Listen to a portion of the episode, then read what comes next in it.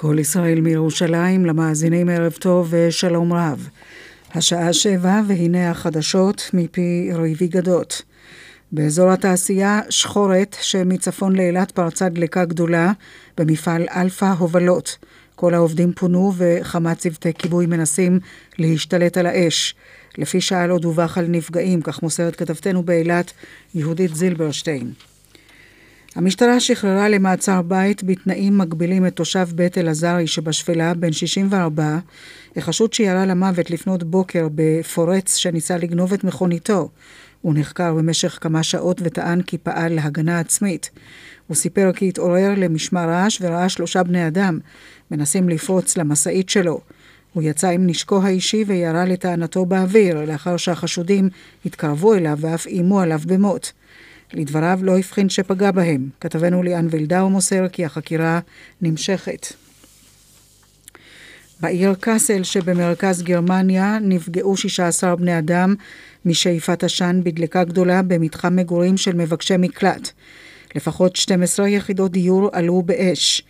הסיבה לדלקה עדיין לא הובררה, אך בשירותי הכיבוי המקומיים אומרים כי הדלקה החלה באחת הדירות וכי אין מדובר, ככל הנראה, בהצתה מכוונת.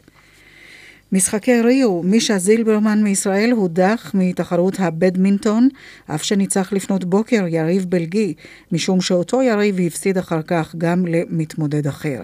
כתבנו ליאן וילדאו מוסר כי בריצת המרתון סיימה הישראלית מאור טיורי במקום ה-90 בזמן של שעתיים, 47 דקות ו-27 שניות.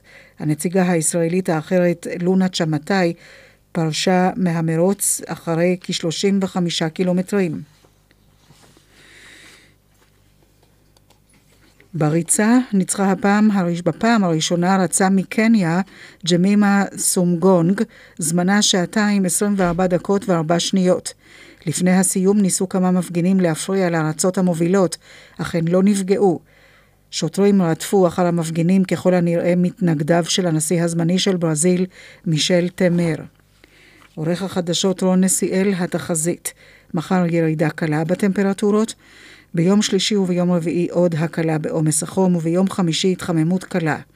מידות החום המרביות למחר בירושלים ובחיפה ובצפת 29 מעלות, בתל אביב 30, בבאר שבע 34 ובאילת עד 40 מעלות, מחר בצהריים.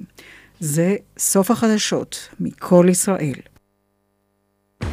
רשת ב' של כל ישראל, כל החדשות, השידור הציבורי שלכם ובשבילכם. מיד דין ודברים אך לפני כן מוקד התנועה, אודליה זימור, בבקשה. תודה איריס, דרך 79 עמוסה משמשית עד ציפורי, דרך 70 מצומת יסיף עד צומת ג'וליס.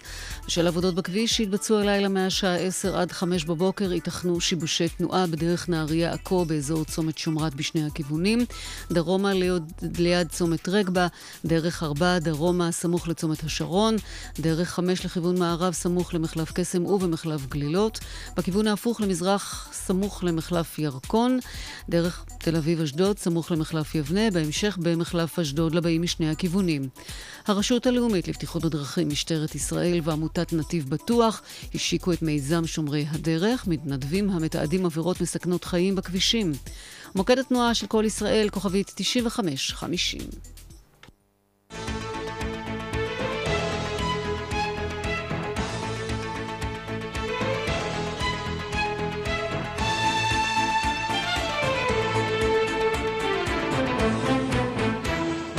דין ודברים על חוק ערכים ודמוקרטיה ומה שביניהם עם משה נגבי.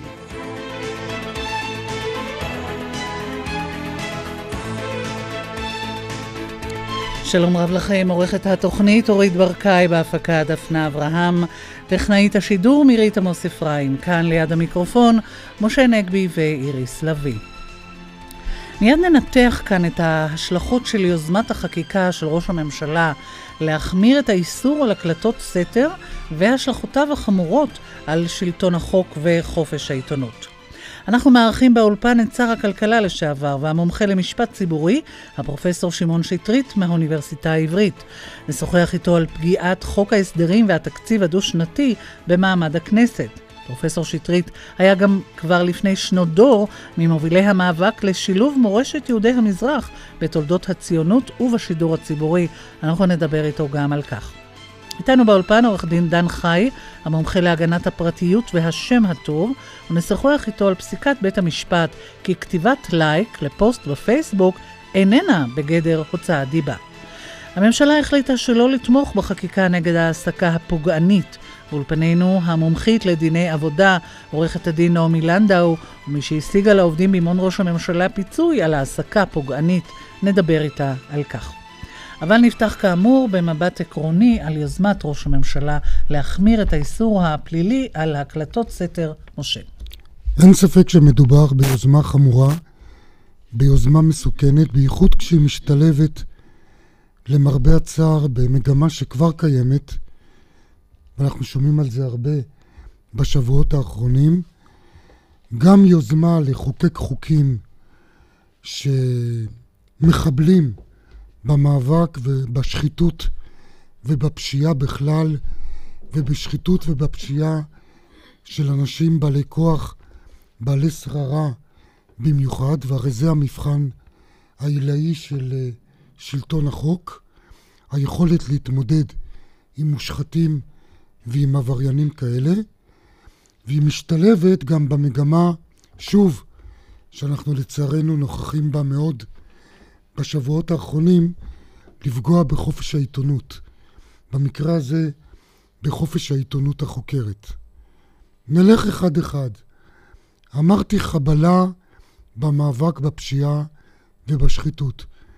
כולנו יודעים שיש הרבה סוגים של מעשי שחיתות, מעשי עבריינות, שוב, בעיקר של אנשים עם כוח, שבדרך כלל העדים למעשים שלהם הם רק אנשים שעובדים בסביבה המיידית שלהם, והדברים נעשים בחדרי חדרים, שהדרך היחידה לתעד ולהוכיח את העבריינות ואת השחיתות זה על ידי אה, הקלטה. כבר הזכירו בהקשר הזה, כמובן הדוגמה הבולטת ביותר ואקטואלית ביותר, זה אותן הקלטות שביצע אה, שולה זקן לאהוד אולמרט, שכולנו יודעים שבלעדיהן ייתכן אה, שהאיש לא היה נותן את הדין על מעשיו המושחתים והחמורים. ופה באמת הבעיה היא שגם בלי ההקלטה אתה לא יכול לחשוף את עצם העבירה, וכמו במקרה של אהוד אולמרט, אתה גם לא יכול לחשוף לחצים על אותם עדים שתלויים באותו בעל שררה, והדרך היחידה שלהם להוכיח שאותו עבריין לחץ עליהם, השתמש בכוח כדי לשבש את החקירה נגדו, זה שוב על ידי uh, הקלטות. אבל אני רוצה לומר שמעבר לדוגמה הדרמטית הזאת, איריס, של פרשת אולמרט וכולי, יש גם דוגמאות לכאורה יותר טריוויאליות, אבל מאוד מאוד חשובות. אנחנו מדברים על הטרדות מיניות. למשל על מצב שבו מעסיק מתנה קידום של עובדת בכך שהיא תעניק לו טובת הנאה מינית. מן הסתם הדרך היחידה שאותה עובדת תוכל לבוא למשטרה ויהיה לה בסיס לתלונה ושאחר כך המשטרה תוכל גם לאסוף הוכחה זה שאותה עובדת תקליט את אותם דברים. או מצב שבו מעסיק, ויושבת פה עורכת דין נעמי לנדאו שמומחית בתחום הזה, וכולנו יודעים שזה קורה. מעסיק אומר לעובדת, אני אקדם אותך, או למבקשת עבודה, אני אקבל אותך לעבודה, רק אם תתחייבי לי שלא תיכנסי להיריון. או שואל אותה אם היא מתכוונת לצאת, להיכנס להיריון. דבר שהוא כמובן אסור על פי החוק. עוד פעם, איך אתה יכול להוכיח את זה שלא על ידי הקלטה? זה אירוני שראש הממשלה העלה את ההצעה הזאת, או סיפר עליה, במפגש שעסק בגזענות. הרי אנחנו הרבה פעמים יודעים שאנשים ברעיונות עבודה, או למשל אה, סלקטורים בכניסה למועדונים, אומרים לבן אדם, אני לא אכניס אותך כי אתה שחור, או כי אתה ממוצא אתיופי, או כי אתה מזרחי, עוד פעם, איך תוכיח את זה בלי שימוש במכשיר ההקלטה? אנחנו יודעים שכשחוקקו את חוק הגנת הפרטיות, שכולל גם את האיסור על האזנת סתר, ועוד לפני כן את חוק האזנת סתר, היו ערים לכך שיש פה התנגשות בין שתי זכויות יסוד, ויושב פה, תכף נשמע אותו, מומחה ראשון במעלה להגנת הפרטיות, עורך דין דן חי, אה, אמרו צריך לאזן בין הזכות לפרטיות לבין אותם אינטרסים שדיברנו עליהם, שלפעמים אין מנוס משימוש בהקלטה, ובפירוש אמר מי שיזם את החוקים האלה, אז שר המשפטים שמואל תמיר, זיכרונו לברכה, שהאיזון הנכון הוא שיאסרו על הקלטה כאשר אף אחד מהמשוחחים לא שותף לה, מישהו חיצוני מאזין להם, אבל כאשר אחד המשוחחים יודע או יוזם את ההקלטה מתוך אותו אינטרס לגיטימי שדיברנו עליו, אה, הדבר הזה יהיה חוקי. עכשיו, אמרתי פגיעה בחופש העיתונות. גם העיתונות החוקרת, במיוחד, זקוקה למכשיר הזה של ההקלטה כדי לתעד עבירות. וכולנו יודעים שוב, מכירים את המשפט הידוע, אור השמש, חומר החיטוי המשובח ביותר. אנחנו יודעים שוב, שדווקא כאשר מדובר בעבריינים עם כוח, חשוב מאוד שהעיתונות תציף את הדברים גם כדי להניע את אה, מערכת אכיפת החוק, ומצב של העיתונות פה הוא עוד יותר קשה. כי לפחות המשטרה יכולה ללכת לבית משפט, לבקש היתר להאזנה, גם בתנאים שאדם רגיל לא יכול לבצע הקלטה. העיתונות החוקרת אין לה את הפריבילגיה הזאת. אם החוק יאסור, לא יהיה לה שום דרך חוקית לבצע את אותן הקלטות. לכן, כמו שאמרתי, זה מכת מוות לעיתונות החוקרת. אגב, מאוד מאוד בחינה. היום כבר העיתונות חשופה למה שנקרא תביעות השתקה. תביעות דיבה שכל המטרה שלהן זה להפחיד את העיתונות, להפחיד את העיתונאים. שמענו לאחרונה על אותה תביעה בסך מיליון ושש מאות שמונים אלף שקל שהוגשה נגד העיתונאית שרון שפורר, ויש מקרים אחרים. הרבה פעמים הדרך... שאגב, כל העיתונאים גייסו עבורה את הכסף. אכן כן, וטוב לומר. שכך. Mm-hmm. וצריך פה לציין לשבח את אתר העין השביעית, שבעצם מציף את כל התופעה החמורה הזאת. ואיגוד העיתונאים נכון. שיזם את זה. אכן כן. כן. איריס, אבל אני רוצה לומר שהדרך היחידה של התקשורת, שוב, להתגונן מפני תביעת דיבה, היא הרבה פעמים אותן הקלטות שהעיתונאי ביצע. בקיצור, הצעת חוק הרסנית, קטלנית. עורך דין דן חי, כבר הזכרתי, אתה ראש uh, הוועדה שעוסקת בהגנת הפרטיות בלשכת עורכי הדין. איך אתה רואה את הצעת החוק הזאת? תראה, זה נכון שמי שמוביל את תחום הפרטיות בלשכה, או בכלל אדם שמאוד מאמין בזכות לפרטיות, אה, בשמיעה ראשונה זה מאוד שובה לב להגיד אה, שה... הפרטיות בעצם מקבלת פה חיזוק לכאורה. ההקלטה לא תהיה אפשרית גם אם אה, אחד הצדדים לשיחה ירצה להקליט, אם הוא לא מודיע קבל עם ועדה, אני עכשיו מקליט ושם את המכשיר ההקלטה על השולחן. אבל כשמסתכלים על זה במבט רחב יותר, אה, לצערי, כל הדברים שאמרת מאוד נכונים, ואגב, אה, לא עשית, לא גילית איזה משהו חדש, כי זה, זה, זה דברים שאמרו ודיברו בוועדת חוקה, חוק ומשפט בכנסת, כשחוקקו את החוק. בא לשם באמת שמואל תמיר, הוא אז שר המשפטים, ורבים וטובים אחרים, ודיברו והעלו את כל האפשרויות. אתה יודע, שאתה מדבר, עולות בי כל כך הרבה דוגמאות מהחיים היומיומיים, שבהם ההקלטה היא מאוד חיונית.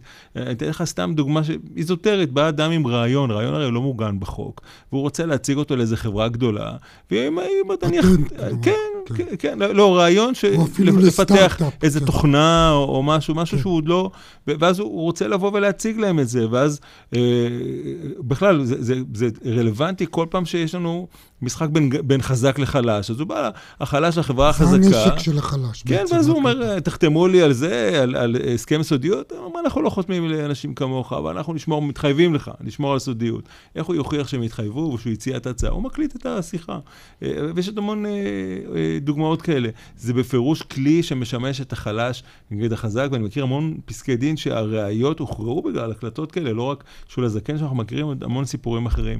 לכן אני חושב שזו החלטה שהיא מצמצמת את הזכויות, היא אולי מחזקת לכאורה את הפרטיות, אבל היא מצמצמת את זכויות האדם האחרות בצורה קיצונית, ויש גם איזושהי השקפת עולם שאני מאמין בה, שאם אתה מחזק זכות מעבר למידה, אתה בסופו של דבר מזיק לה. מחליש מישהו ולכן, אחר. ומחליש אותה. ולכן אני חושב שזו הצעה רעה, אני מקווה שהיא תחלוף כמו הרבה הצעות ששמענו, שלפעמים מונפות באוויר. כן, אני רק רוצה להזכיר בהקשר הזה, שלמרבה הצער, שוב, אני חסיד גדול של הפרטיות, ואני באמת חושב שכל אחד שיחשוב על כך, שפתאום הוא מגלה שהאזינו לשיחות שלו, אה, אתה מרגיש במידה מסוימת כאילו פרצו לבית שלך. זה ממש חדירה מאוד כן, קשה. כן, לגמרי, אין ספק שהאזנה, כמו, כמו כן. צילום בסתר, כן. אבל אני, אני כן. אה, חייב להגיד לך, ואם תרצה נרחיב אחר כך, יש כל כך הרבה נושאים בחוק, ונדבר על זה אולי יותר מאוחר, כן. בחוק הגנת הפרטיות שצריך לתקן, זה חוק כן. שחוקקו אותו ב-81, תקנו אותו רצינית רק כן. ב-96, ובאמת יש הרבה מאוד דברים, גם בחוק האזנת סתר יש הצעת חוק שכבר רצה איזה שלוש כנסות של הממשלה, שאף אחד לא מעלה אותה לדיון. יש כל כך הרבה מה לעשות, אז חבל שמבזבזים את הזמן על דברים כאלה. ואולי זה צריך להיות תזכורת שכמו שהזכות לפרטיות בצדק מעוגנת בחוק יסוד, כן. כבוד אדם וחירותו, הגיע הזמן שגם חופש העיתונות וחופש הביטוי יהיו מעוגנים, לפחות בחוק.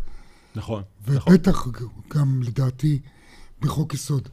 עורכת דין נעמי לנדאו, קראתי הבוקר אצל העיתונאי, שאני מאוד מעריך אותו, לשם הגילוי הנאות, אנחנו מכירים עוד מבית הספר היסודי, אמיר אורן בעיתון הארץ, שהוא קושר בין יוזמת החקיקה הזאת של ראש הממשלה לבין פרשה שהיית כמובן מאוד מעורבת בה, אותה תביעה של uh, מני נפתלי ועובד נוסף, אליהו. כן, ניר אליהו. גיא, גיא. גיא אליהו, סליחה, uh, נגד uh, משרד ראש הממשלה על העסקה פוגענית.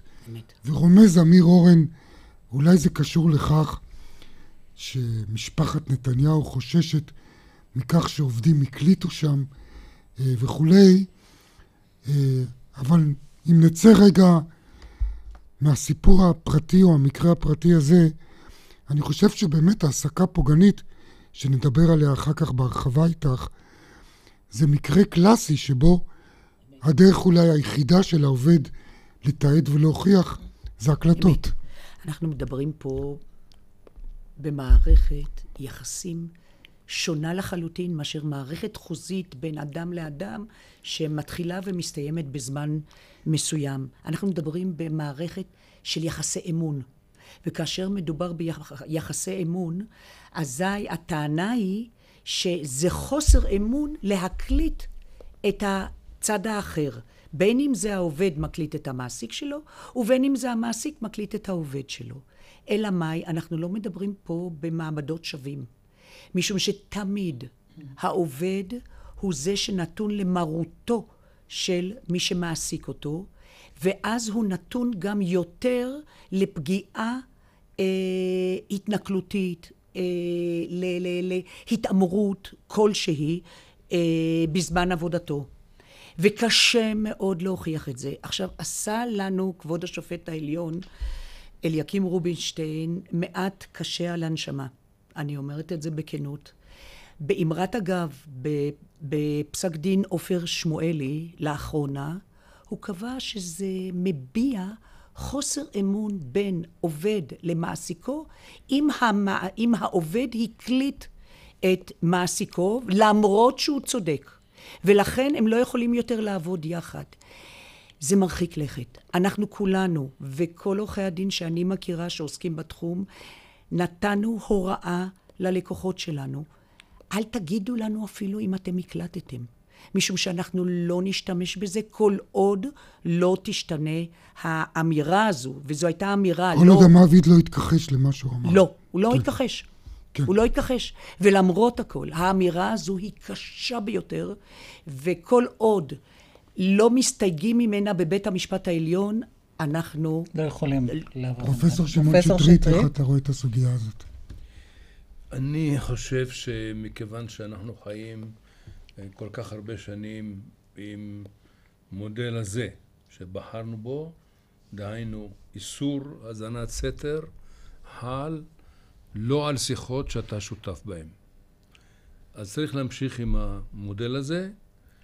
כמובן שאם היינו לפני כך וכך שנים מחליטים לבחור במודל החילופי, לא הייתי רואה בזה בחירה ערכית לא נכונה. עובדה שיש, אני יודע מה, 10, 12 מדינות בארצות הברית, ששם זה אסור. כן, אבל לא בחוק הפדרלי. פדרלי. לא משנה. כן, אני כן, מדבר כן. איתך עכשיו אה, כן, כן, על, על אה, נגיד שיטות משפט. כן, כן, אז אה, כפי שכבר נאמר, כי זכות הפרטיות כן. היא זכות מקודשת, וגם מה שאמר השופט רובינשטיין מעיד על כך שיש איזה גרעין בעייתי כאשר יש שני אנשים ואחד מהם מקליט, הוא לא, לא רק פוגע בפרטיות, הוא גם פוגע בכל מערכת היחסים בין שני הצדדים. אבל אם אחד הוא חזק והשני חלש באמת, טוב, אז ואין לו יש דרך שיקול. אז לכן יש אחרת. שיקול שכנגד שבא ל- לאזן אה, את, ה- את הסוגיה הזאת. השאלה גם מה קדם למה.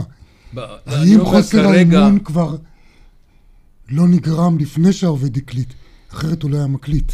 אבל אני כן, אומר, כן. כרגע אנחנו חיים בסביבה משפטית כן. שמאפשרת את זה, ולא היית משנה את החוק. ואנחנו יודעים שזה רלוונטי מאוד למלחמה בפשיעה, כפי שאתה אמרת. זה מאוד רלוונטי לעיתונות. לחופש העיתונות, וזה מאוד רלוונטי להרבה. אה, אה, סיטואציות שבהם צריך להגן על אינטרס לגיטימי, וכל השיקולים האלה, די בהם כדי לאזן את האינטרס מצד שני של הפרטיות. של הפרטיות. ולכן אני לא הייתי משנה את המצב משנה, ואני גם מקווה שהחוק לא ישתנה, כי זה לא נראה לי שאפשר לגייס את התמיכה לעשות סיבוב כל כך יסודי ודרמטי בתפיסה שלנו בנושא הזה. נסתפק בדברים האלה בנושא הזה, ועכשיו אל הנושא הבא שלנו. הרוב הקואליציוני הצליח להעביר בכנסת את חוק ההסדרים והתקציב הדו-שנתי. פרופסור שמעון שטרית, אתה מומחה למשפט חוקתי לשעבר, גם שר הכלכלה. איך אתה רואה את הדבר הזה? אני חושב שהתקציב הדו-שנתי הוא אה, פגום מבחינה דמוקרטית. הפיקוח של הכנסת צריך להיות מדי שנה ולא, ולא ב, מדי שנתיים.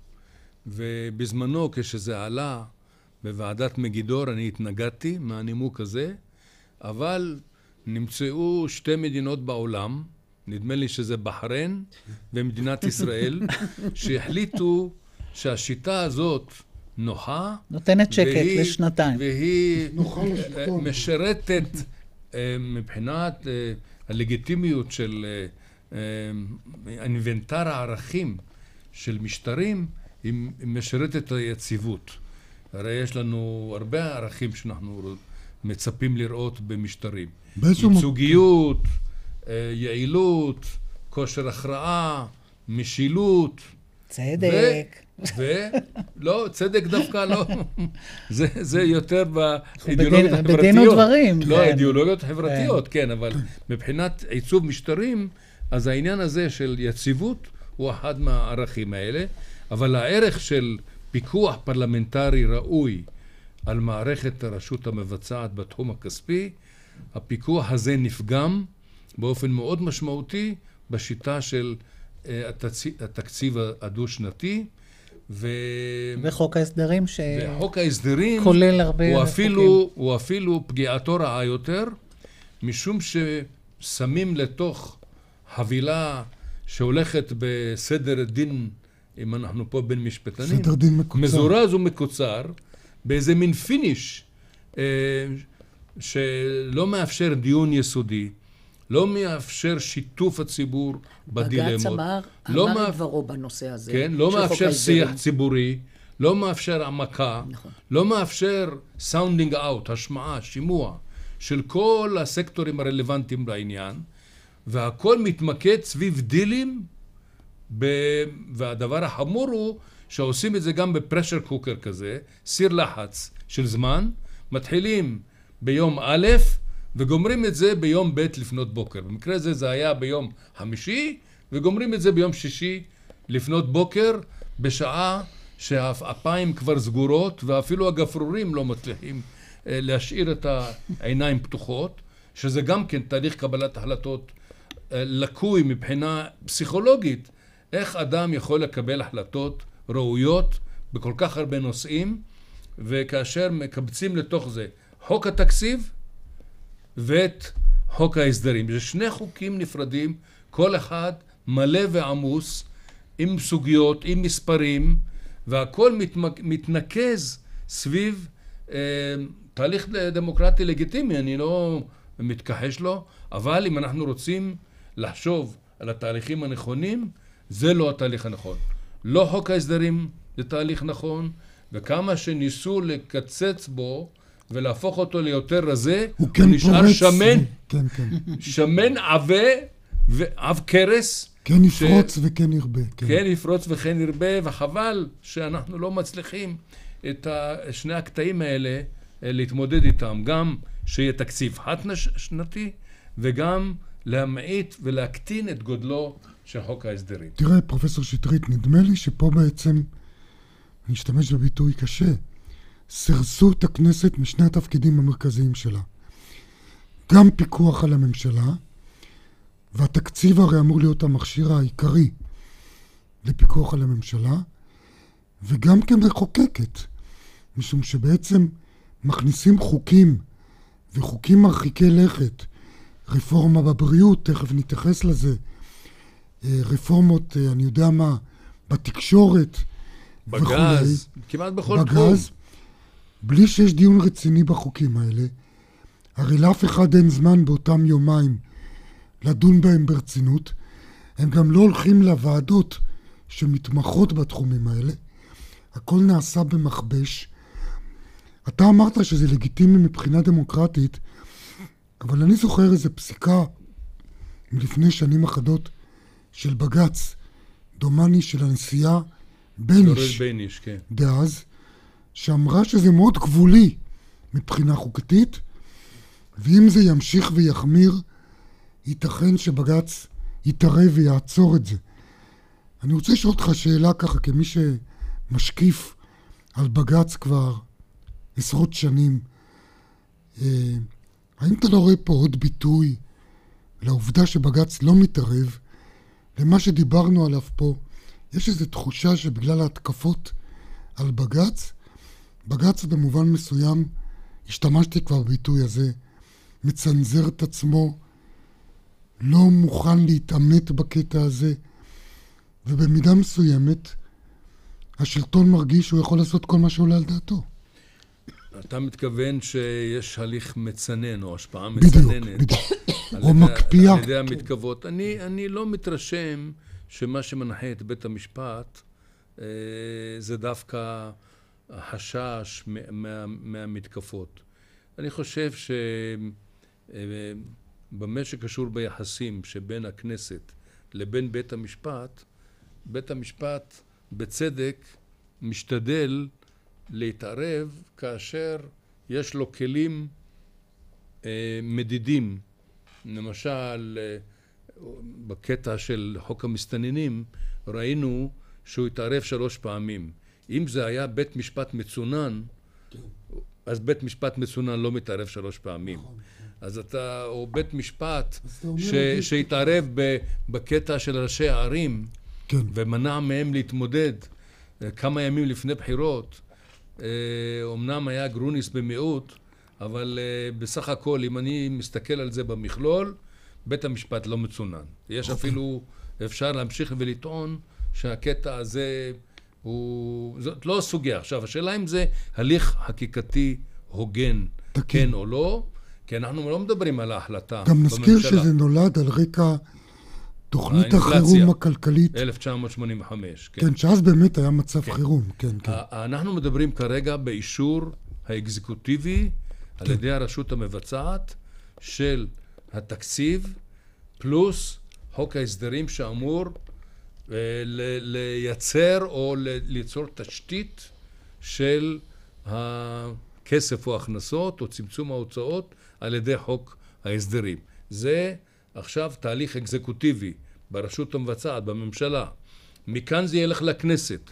אבל כמו שאמרת, זה משפיע על הכנסת, משום שהממשלה שולטת בכנסת, א', ב', זה הולך בעיקרו לוועדת כספים, ג', יש משמעת קואליציונית מאוד נוקשה, ולכן בסך הכל יש היחלשות של הכנסת, גם בקטע המחוקקת, כפי שאמרת, וגם בקטע של המפקחת. אני רוצה עוד נקודה אחת בהקשר הזה, כבר הזכרתי, כדוגמה אולי, כל הנושא של הרפורמה בבריאות, שאפשר להיות בעד, אפשר להיות נגד, אבל שוב פעם, כולנו מרגישים שזה היה רעיון ראוי לדיון ציבורי פרלמנטרי מעמיק, ולך יש סימני שאלה בתחום הזה. יש לי סימני שאלה גדולים, משום שאני עוקב אחרי זה כבר מאז שהתנגדתי לחוק הבריאות הממלכתי, כי ידעתי שבמקום שקופות החולים ייצגו אותנו כמבוטחים מול הממשלה, הם הפכו להיות אורגנים של המדינה, והם בעצם כלים בידי המדינה נגד החולים. החולים. אז עכשיו צמצמו את רשימות המומחים שאפשר לפנות אליהם במחיר סביר, הכפילו לפעמים את התשלום, וזה נעשה בלי שום דיון ציבורי. עשו איזה מין החלטות לפני זמן מה לבטל את הביטוחים הקולקטיביים הסיעודיים, הסיעודיים ונשארו אנשים אחרי שנים רבות של ששילמו. תשלום, נשארו אה, אה, בלי ביטוחים. זה חוסר אחריותיות ציבורית שזועקת לשמיים.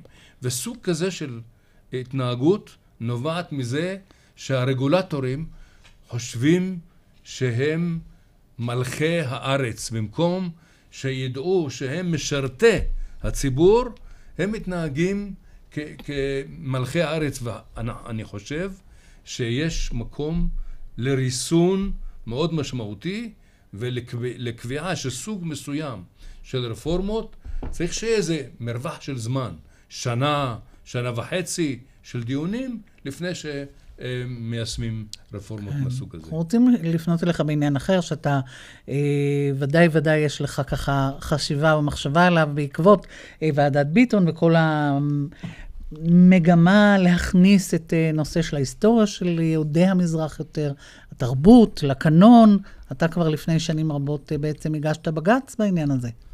מה לא, זה היה זה... על תוכנית שלנו בערוץ הראשון? כן, בעמוד האש הייתה תוכנית סדרה על תולדות הציונות. ש, שהיא כן. עסקה בתולדות הציונות, ואנחנו קבוצה של מה שנקרא אינטלקטואלים יוצאי המזרח. חשבנו שזה לא... אולי נזכיר את ויקי שירן, זיכרונו לברכה. ויקי שירן הייתה כן. העותרת הראשונה ופסק הדין שאני ואתה הצגת אותה, כן. הגשנו את העתירה ב-81, ו... ושם למעשה טענו שרשות השידור הטעה בכך שלא שילבה ולא שיקפה את התרומה של יהדות המזרח, לא לפני הקמת המדינה, בציונות, כי הציונות של המוגרבים, שעליהם זה שכונת המוגרבים, או של צוף דבש, שהוא בנה את שכונת ממילא, זה הציונות. ולא רק הציונית... נדמה לי שהתשובה הייתה הש... שהסרטים שהם עבדו על פיהם, שנמצאו, לא כללו את הדברים האלה. היו, התשובות היו מופרכות. אה, מרדכי בן פורת, אה, שהיה חבר, התפטר כמחאה על כך שלא שילבו, אה, אז לכן הפיקוח למשל הציבורי שבית המשפט אמר שהוא אמור לפעול, ולכן הם לא התערבו, לא היה אפקטיבי. לא, לא היה אפקטיבי, אבל אני חייב לציין שמאיר שמגר, כשקוראים את הפסיקה, את פסק הדין שלו... הוא בעצם מקבל את הטענות שלכם. הוא מקבל את הטענות בצורה... הוא אומר, אני לא יכול להתערב, כיוון שזה עניין של התערבות בתוכן. אבל הוא חייב את רשות השידור כן. לעשות סרט שיעסוק בתולדות הציונות במזרח, ונדמה לי שבעקבות זה עשו את הסדרה רוח קדים על פי ספרו של שלמה הלל, כן. על המחתרת הציונית נכון. בעיראק. אז זה, אני, אני נגד גטו, תוכניות גטו. אני אמנם פעם, כשהיה, שלא הייתה ברירה, היה פה ברדיו תוכנית שנקראה יסמין פורח. אז אני הופעתי בתוכנית, זה היה בשביל המזרחיים. היה גם פסטיבל הזה. שירי לדינו וכל הדברים האלה. אבל אני חושב שאחת הטעויות של ועדת ביטון הי- היא שיש תמיד את המתח בין פיצוי על ידי תוכניות מיוחדות לאותו מגזר, כמו לימודי מגדר ולימודי מיעוטים וכיוצא בזה, לבין לימוד אינטגרטיבי. אני חושב שבשלב הזה המפתח לפ... לפ... לפתרון של העניין הזה הוא תוכניות אינטגרטיביות גם בבתי הספר, גם באוניברסיטאות, ולא תוכניות נפרדות. שכוללות את כל נכון, השיח ואת כל נכון, כי. ברגע שאתה עושה את היסמין פורח, אתה בעצם עושה, וגם גטו. רוח קדים, אתה עושה כן, תוכנית נפרדת, ולכן ה- ה- התשובה הנכונה, לא נפרד אבל שווה, כמו שעושים בחינוך, את ההקבצה ואת ההסללה, אתם מכירים את הסיפור, אלא באינטגרציה אמיתית. ומה שביקשנו בבג"ץ ויקי שירן, ואחר כך גם אה, בבג"ץ ש- תנועת האוהלים, כן, כן. של. של טיפול ב. ב, בשיכון, ועוד, אה, דרך כן, אגב, אה, לא עסקנו רק בסוגיות האלה, למשל בנקש, כן, כן. היה סיפור, אה, אתמול, שלשום אה, הייתה לוויה של מנחם ברינקר, הוא היה אחד העותרים שעתרנו נגד אה, אה, אי הסגרה של נקש. זאת אומרת, העניין- הזה של השיח הציבורי והשינוי החברתי באמצעות בתי המשפט, הוא צריך להיות בכל התחומים, גם בשיכון, גם במורשת תרבותית של כולנו, וגם בסוגיה כמו למשל שלטון החוק, של אי הסגרה, כמו ברור. שברינקר והחברים אני שלו רק- אני רק אה, אסכם את ייבדלו הס- לחיים ארוכים. אני רק אסכם את השיחה המרתקת שלנו, אה, פרופסור שטרית, בהפניית המאזינים לספר שערכת כבר, שוב, לפני, אפשר לומר, שנות דור, בשנות ה-80, שנקרא חלוצים בדמעה, הוצאת עם עובד, ששם יש לך פרק שלם על כל הנושא שכעת ועדת ביטון הציפה אותו, גם של שילוב מורשת המזרח בתוכניות הלימודים. מצד אחד אתה, אפשר לראות מהספר הזה עד כמה הנושא הזה הוא לא חדש, מצד שני גם אפשר לראות, ואני חושב שפה יש משהו מעודד, שבכל זאת התקדמנו. מאז uh, בתחום הזה אנחנו יודעים שהרבה סופרים יוצאי המזרח כלולים בתוכניות הבגרות, אלי אמיר ואחרים, ונראה לי נקודה אחת מאוד חשובה בבג"ץ שהזכרת, וכמובן זה לזכותה, לזכותך, אה, הנשיא שמגר כותב שם שמאוד חשוב לתת את כל הנרטיבים, המערבי, המזרחי וכולי, אבל כמו שאמרת, לא שאחד ידיר וידחוק את השני. קצת לא מצא חן בעיניי, באופן אישי, בדוח ועדת ביטון, הנימה הזאת שחלק מהאנשים נכניס את משוררים מזרחיים במקום נתן זך או על חשבון נתן זך, זה נראה לי דבר אני לא מסכים, רצוי. צריך לעשות הכללה, אינטגרציה. אינקלוסיב, ולא להכניס. מישהו במקום מישהו. כן. נסתפק בדברים האלה. אנחנו מאוד אה, מודים לך על הדברים האלה, פרופסור אה, שמעון שטרית. ועכשיו אל, אה, נחזור אולי לנושא זכויות הפרט והגנה על הפרטיות. בית משפט השלום בתל אביב קבע שכתיבת לייק לפוסט פוגעני בפייסבוק היא לא בגדר הוצאת דיבה. עורך דין דן חי, אתה כאמור שוב מומחה להגנת הפרטיות והשם הטוב. איך אתה רואה את זה? מה דעתך על הפסיקה הזאת? אה, אני לא מסכים עם הפסיקה, אם אה, ככה להתחיל מהשורה התחתונה. אני חושב שזו אמירה מאוד בעייתית לומר שאדם שעשה לייק בפייסבוק, במיוחד אדם שעשה שיתוף, אין לו חלק בפרסום של הלשון הרע, ואני צריך אה, לקחת אתכם עוד קדימה, נניח שה... פרסום היה פרסום פוגע בפרטיות. נניח שמישהו עושה אאוטינג למישהו בפוסט בפייסבוק, ואנשים עושים לזה לייק, הרי זה, זה קטסטרופה, זה משהו שהוא בלתי נתפס. לכן אני חושב שזאת אה, פסיקה מאוד מאוד בעייתית, וזו פסיקה שמנתקת את עצמה מהמציאות, שבעצם היום, בעידן הזה של האינטרנט, אה, הרבה פעולות שאנחנו עושים גורמות לפרסום. אנחנו מכירים את השיימינג שקיים ברשת, שהוא... כל, כל כולו הוא מפרסומים כאלה, את כל הפרסומים שרצים ברשתות הוואטסאפ, שמישהו מעביר תמונה. כלומר, בעצם אתה אומר שמישהו עושה לייק לאיזשהו פוסט פוגעני, הוא עומד מאחוריו, הוא אומר, בעצם הוא אומר, אני מסכים. אבל זה, משהו צריך כזה? להבין טכנולוגיה, כן, הוא אומר, אני מסכים, אבל מה הבעיה? הבעיה שאם אני עושה לייק לפוסט, הוא מקפיץ את הפוסט הזה לכל מי שחבר 5,000 שלי ב- חבריך. ב- ב- יכול להיות בפייסבוק. שהפוסט המקורי הגיע לעשרה אנשים, נכון, בדיוק. ואותו אדם מפיץ אותו לחמישים אלף. נכון, הרי בקיר המרכזי אתה רואה, החבר שלך זה וזה עשה לייק לפוסט הזה והזה, והפוסט מופיע, ועוד יותר גרוע, שאתה עושה שיתוף, זה ממש מופיע על העמוד שלי, זאת אומרת, אם מישהו מגיע לעמוד שלי, הוא רואה את זה, גם אם זה עוד כמה זמן. אז לכן אתה מעצים את התפוצה. אבל אני חושב שהפסק דין הזה משקף בעיה שהיא יותר רחבה. אני חושב שעולם האינטרנט, אה, הגיע הזמן ש... שהמחוקק יגיע אליו ויהיה עסוק באמת בדברים החשובים באמת. האינטרנט פרץ לחיינו, אה, זה, זה נשמע כאילו אה, משהו חדש, אני מדבר על זה, אנחנו מדברים על משהו 20 שקרה. לפני 20 שנה, כן. אה, אה, חוק הגנת הפרטיות אה, חוקק ב-81, חוק איסור לשון הרע ב-65. שבכלל זה עוד לא היה. כן, שזה לא היה. חמישים שנה. את חוק הגנת הפרטיות תיקנו באופן רציני בפעם האחרונה ב-96, לא נגעו בחוקים האלה. ואז יושבים שופטי שלום, שאני כמובן מכבד את עבודתם, עושים עבודת קודש, אבל הם צריכים לשבת ולשבור את הראש איך להתייחס לעולם הזה. ואז כל אחד, לפי השקפת עולמו. כשאין לו בעצם אמצעי נכון, בחקיקה אמצעי. לזה. יכול לבוא המחוקק ולהגיד, אם אתה עושה פעולות כאלה וכאלה, נניח אתה עושה לייק בפייסבוק או משהו יותר רחב, אם זה לשון הרע, זה בסדר, אם זה פוגע בפרטיות, זה לא, לא בסדר. יכול המחוקק לבוא ולקבוע כללים, לקבוע נורמות התנהגות ברורות, ואז גם אנשים ידעו מה המשמעות שעושה לייק. כי היום קבע שופט שלום שזה לא לשון הרע, ויכול מחר שופט שלום בחיפה לקבוע את ההפך. זאת אומרת, יש לנו פה נורמות מאוד מאוד לא ברורות. אבל ו- מה זה ו- שונה בכל סוגיה? לא, אני, אני אגיד לך במה זה שונה. זה שונה שיש אה, אה, תופעה, יש, יש מכשיר אה, אה, שנקרא אינטרנט, שהמחוקק לא מתייחס אליו. זה לא שאנחנו אה, אה, מדברים על איזה משהו שקפץ לנו לחיים לפני יום.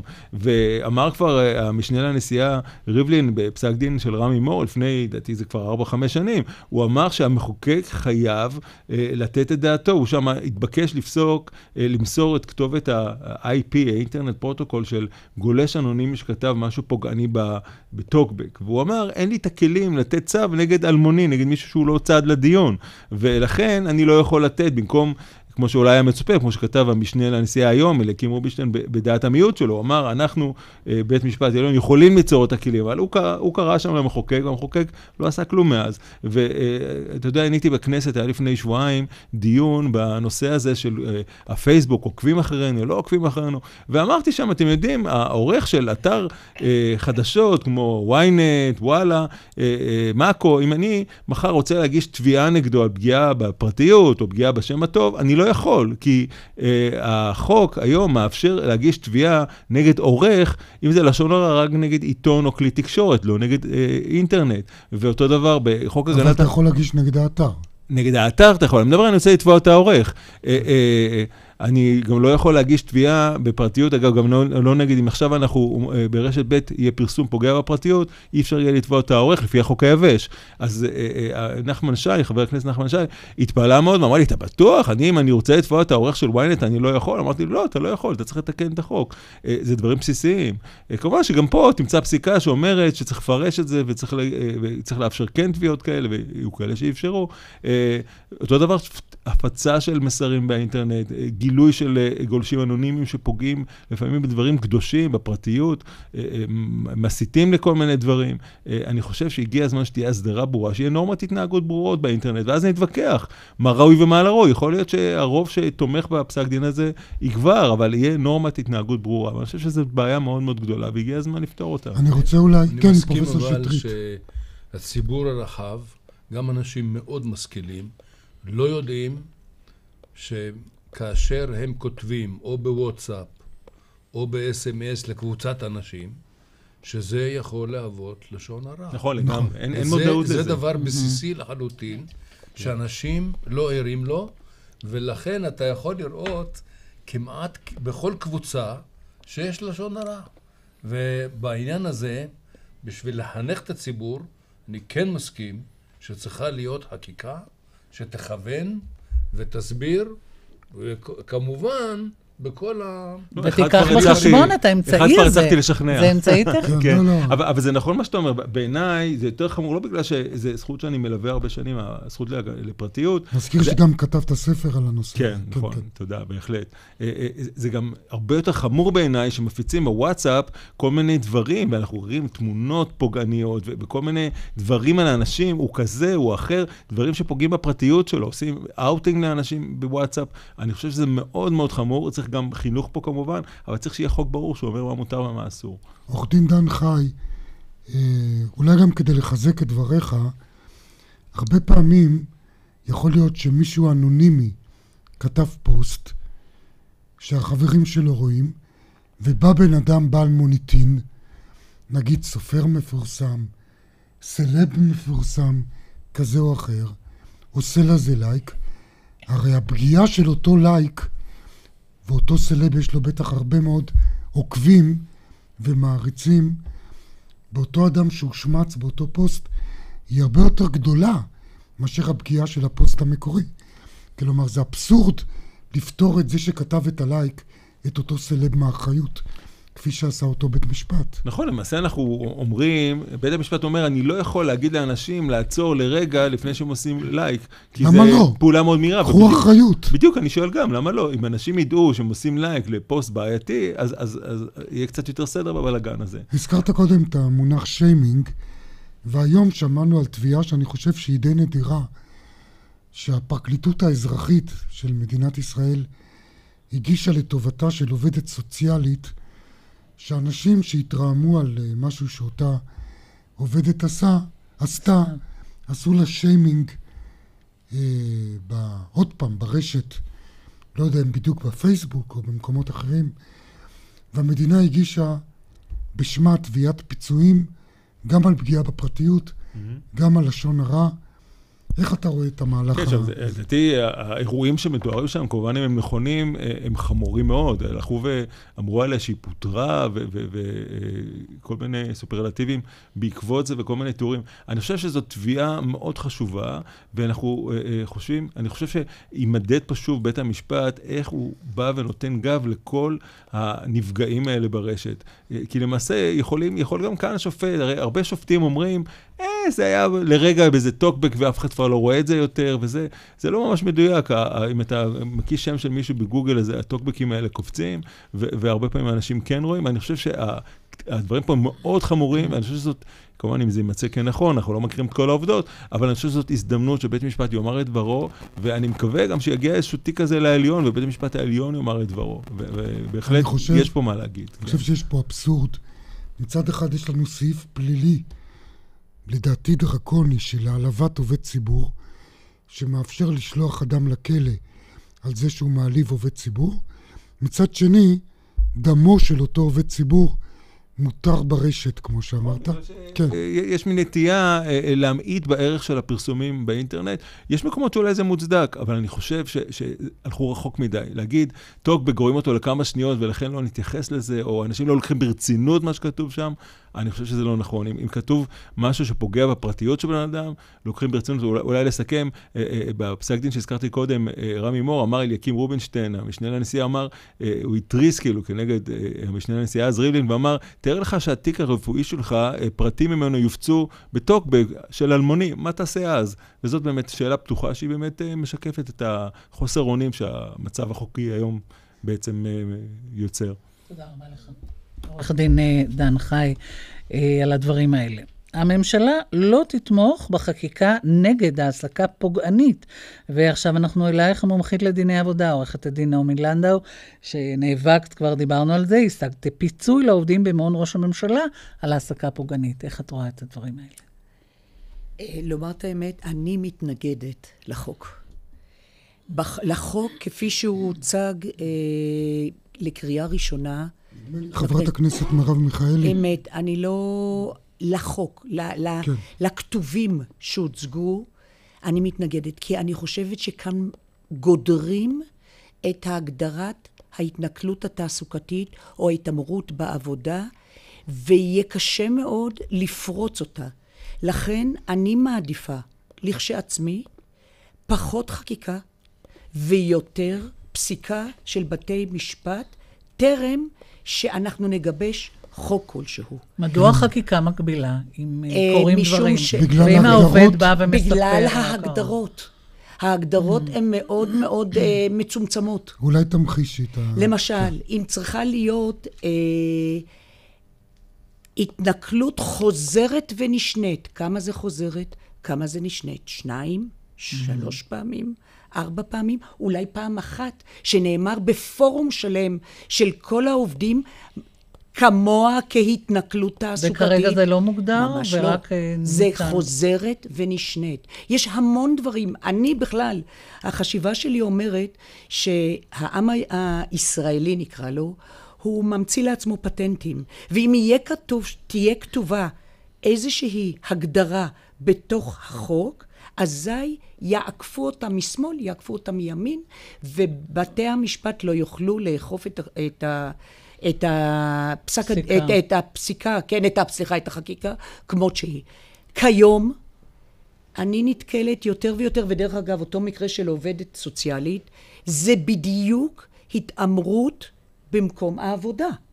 ואותה והיא הראיה שהוגשה תביעה, יפה, שהפרקליטות האזרחית מגישה בשם אותה אה, עובדת סוציאלית שהיא עובדת שלה, ואני חושבת שבתי הדין לעבודה ובתי המשפט ייתנו את פסיקתם כהלכה.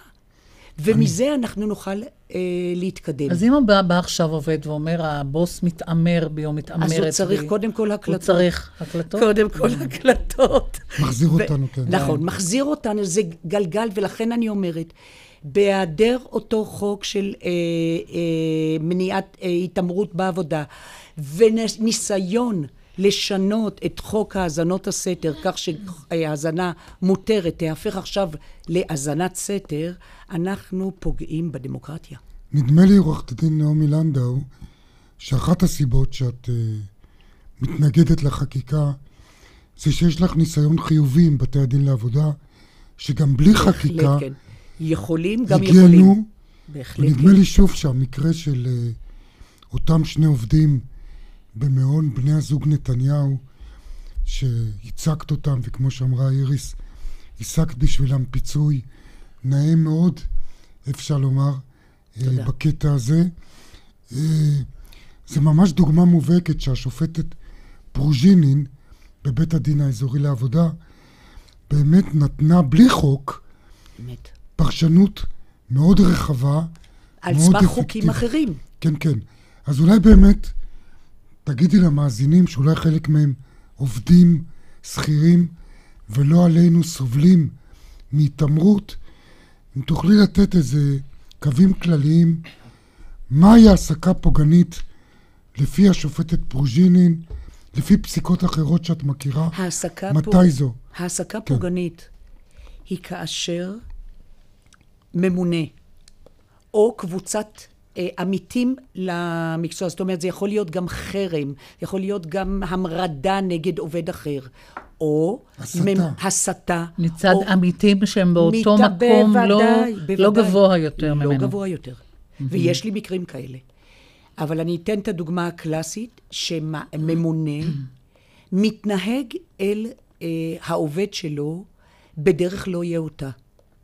ודרך לא נאותה, ומצליח להעביר את זה גם לעמיתים האחרים לעבודה, כך שאותו עובד אה, עומד בצד, או סובל ולא יכול להתלונן בפני אף אחד על מה שקורה לו.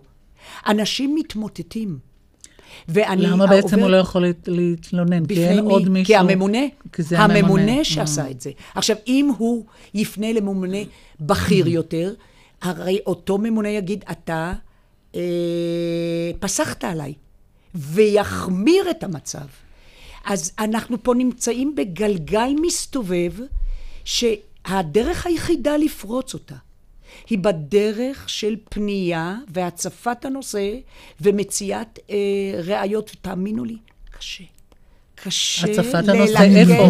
אז אם ככה, הצפה איפה? אני מבין אה? שאחד הביטויים להתעמרות שגם הגיע, קיבל ביטוי בפסק הדין של מני נפתלי, זה שאתה מטיל אחריות על העובד, או מאשים אותו בדברים באוזני עובדים אחרים, אמת. משפיל, משפיל, מבזה. נכון. ואני מניח שפה רלוונטי חוק יסוד כבוד האדם וחירותו, מן הסתם. כי זה פגיעה בכבוד התנכלות האדם. בעבודה היא פגיעה בחופש, אה, בחוק יסוד חופש אה, כבוד האדם. כבוד האדם. חד וחלק. אם זו נקודת המוצא, הרי למה לנו חוק? למה לנו נצמצם את הפירושים שאפשר לתת לחוק יסוד כבוד האדם? אני גם חושבת שיש מערכת יחסי עבודה היא קצת שונה מהמערכת האזרחית הרגילה, ובואו ניתן לבתי הדין לומר את דברם. והם יאמרו את זה בהרבה מילים ובהרבה דוגמאות. ואני חושבת שככה אנחנו נצליח אולי קצת, כמו שעושים השאלה היום... אם אין הגנה לאותו עובד. לא, אז אין, כמו אין. שיש ל...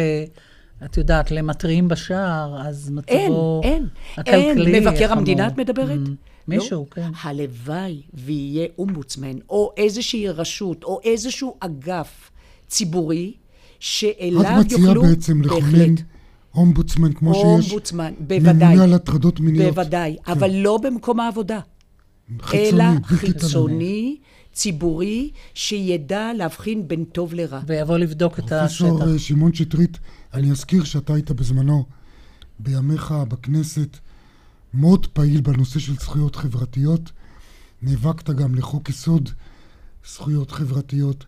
אולי שם היה המקום של הסוגיה הזאת. איך אתה רואה את הסוגיה? קודם כל, יש אה, היגיון רב בתהליך של הבשלה, נגיד פסיקתי, ו- ו- וגם ציבורי, אה, שיגבש את המרכיבים, כי אני מבין שלפי ההגדרה שמוצעת כרגע של, בחוק. של התנכלות חוזרת ונשנית, זה אה, מצמצם. זה כן. הדרישה להמשכיות היא דבר שיכול להיות אה, אה, לרועץ מכשול, כן.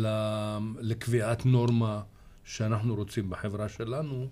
האם פגיעה קשה חד פעמית היא מותרת? אני חושב שלא.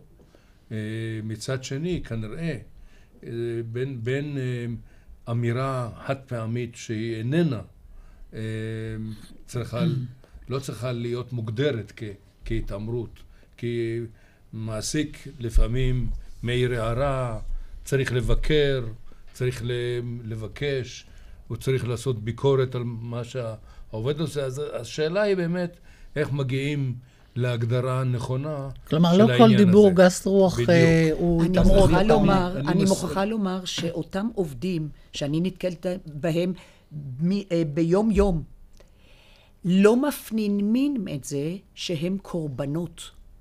עד שאדם מכיר בזה שהוא קורבן, לוקח המון זמן. והם סובלים וסובלים, ו- ולא באים לידי אה, ביטוי חיצוני, ולכן אני צריכה את בתי אבל הדין. החולשה של המודל הזה, של ההבשלה, על ידי פסיקה, היא שהוא, שהוא תהליך ממושך מדי, בעוד וחוק, שבחקיקה... וחקיקת חוק. לא, בחקיקה הוא תהליך יותר מהיר בדרך אני רק כלל. רוצה דן במבזק, בית הדין הארצי לעבודה הוא זה שבעצם הניח את הבסיס לכל נושא פרטיות בעבודה, עם טלי איסקוב, ויש פסק דין מאוד יפה, למרות זאת, ובניגוד לדעת חברתי, אני חושב שטוב היה אם המחוקק היה אומר את דברו וקובע נורמות ברורות. לכן אני בעד חקיקה, אם היא לא טובה, צריך ללחוץ ולהפעיל לובי לשנות אותה. אבל אני בעד שהדבר יצא מהמחוקק ולא פסיקה שהיא יכולה להשתנות בכל יום תמיד. מילה אחת, נעמי כן, לנדאו? אם תרשו לי, אני חושבת שכמו שיש תקנון אה, למניעת הטרדה מינית שמפורסם בכל מקום עבודה שיש בו 25 עובדים ויותר, ככה צריך להקים תקנון אני מבין או- שאת כבר עובדת אני עליו. עובדת עליו יחד עם בן זוגי. נכון, כן, כן. להעסקה פוגענית, למניעת העסקה פוגענית. נארח אותך על. התקנון הזה. תודה, תודה. תודה רבה לכל אורחינו, לפרופסור שמעון שטרית, לעורכי הדין דן חי ונעמי לנדאו, לעורכת התוכנית אורית ברקאי, למפיקה דפנה אברהם, לטכנאי משה לוי. באולפן היינו משה נגבי ואיריס לביא. ניתן להאזין לנו באתר רשת ב' וביישומון כל ישראל. נשוב בשידור חי של דין ודברים ביום ראשון הבא, אחרי חדשות שבע. ערב טוב.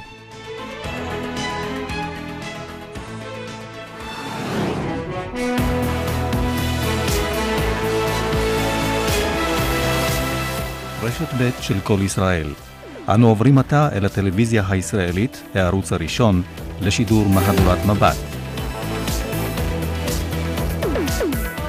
וכמה כסף וכמה זמן, זאת אומרת, כמה, כמה עוד זמן, יש לי עוד שלושה שבועות.